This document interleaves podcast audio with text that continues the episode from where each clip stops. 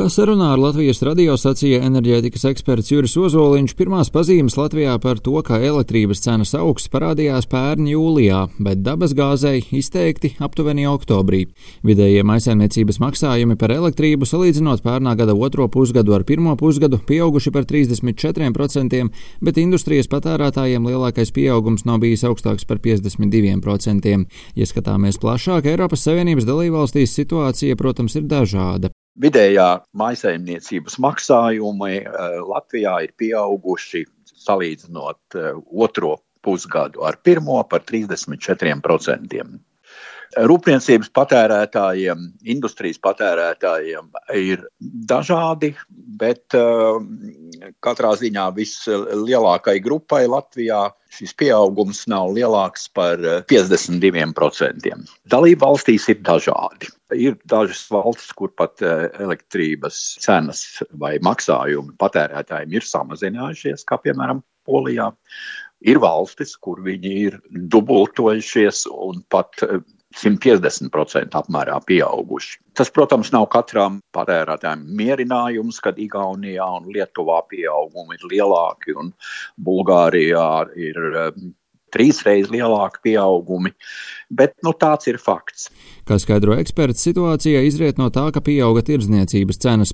Tomēr Uzoliņš atzīst, ka minētais apkopojums pilnībā neatspoguļo to, kāds ir bijis dažādu valdību atbalsts patērētājiem ārpus tirgus mehānismiem. Proti Latvijas un citu valstu salīdzinājumu ir grūti veikt.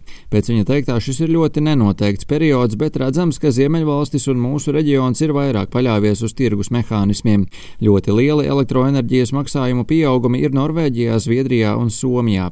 Uzoliņš atgādina, ka mūsu reģionā augstākās jebkad vēsturiski redzētās cenas bija decembrī, bet vēlāk sekoja šķietams cenu atslābums, kas gan izrādījies īslaicīgs. Visiem šķita, ka janvārī viņas ir stipri nokritušās, bet izrādās, ka marts ir otrais augstākais rekords līdz šim reģistrēts Latvijas tirsniecības apgabalā - vidējā mēneša eh, cena. Janvāris bija mānīgs signāls.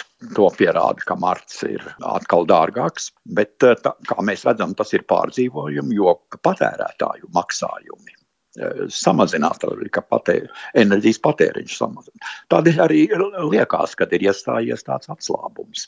Saskaņā ar Nordpūlu datiem martā augstākās cenas par megawattstundu bija tādās valstīs kā Francija, Lielbritānija, Nīderlande, Beļģija. Eksperts piebilst, ir redzams, ka reālajā dzīvē ekonomika sagatavojas tām pārmaiņām, kas notiks ar iespējamo dabasgāzes tirgus radikālu pārorientēšanos.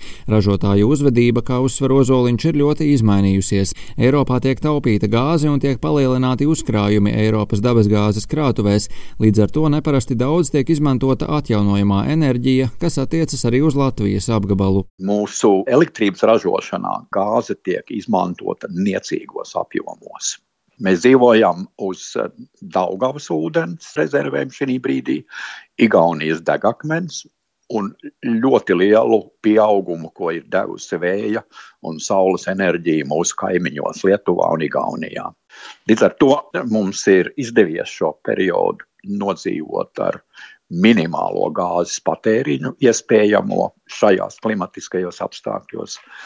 Palielināt eh, cenu ir pieaugusi, bet eh, mūsu ražotāji ir darījuši visu, lai sagatavotos daudz grūtākam periodam, kas acīm redzot mums ir priekšā. Reālajā biznesā transformācija norit pilnā sparā un daudz ātrāk nekā uz to norāda publiskā telpa, piebilst Ozoliņš. Prognozēt elektrības cenu tuvākajos mēnešos ir grūti, viņš skaidro, piebilstot, ka Latvijas apgabalā ir viens ļoti nezināms lielums - ūdens pietece Daugavā. Bet labā ziņā esot tā, ka patēriņš samazinās un saule šķietami Eiropā dara savu, un dienas vidū redzams, ka gāzes izmantošana samazinās gan Vācijā, gan ilgtermiņā arī Latvijā.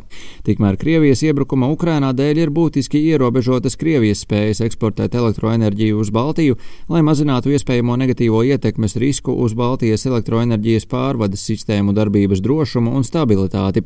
Uzolniņš norāda, ka Krievijai ne pēc apjoma, ne pēc cenām nav ietekmes uz biržas cenu, tajā skaitā arī Latvijas apgabalā. Uzoliņš uzsver, ka ārkārtīgi liela nozīme būs patērētāju uzvedībai un tam, kā tie nodarbosies ar enerģijas racionālu izmantošanu. Tā ģenerālā politiskā līnija ko ir pieņēmušas, nu, varētu teikt, gandrīz vai kā konsensus Eiropas Savienības valstis, ir aiziešana pēc iespējas ātrāk no Krievijas resursiem, balstās uz to, ka tikai temperatūras regulēšana apkurē par vienu grādu izmaina gāzes patēriņu par 10%. Šeit ir kombinācija starp nelieliem skaļiem un milzīgiem daudzumiem un ļoti lielu mērogu. Tad uzreiz šie draudi par eh, katastrofu nu, izskatās citādāk. Uzoliņš vēl piebilst, ka spēcīgi publiskie aicinājumi gan no politiķu, gan zināmu personu vidus izmantot enerģiju racionālāk var būt ļoti iedarbīgi, un tie arī būtu jāizmanto. Rihards Plūme, Latvijas radio.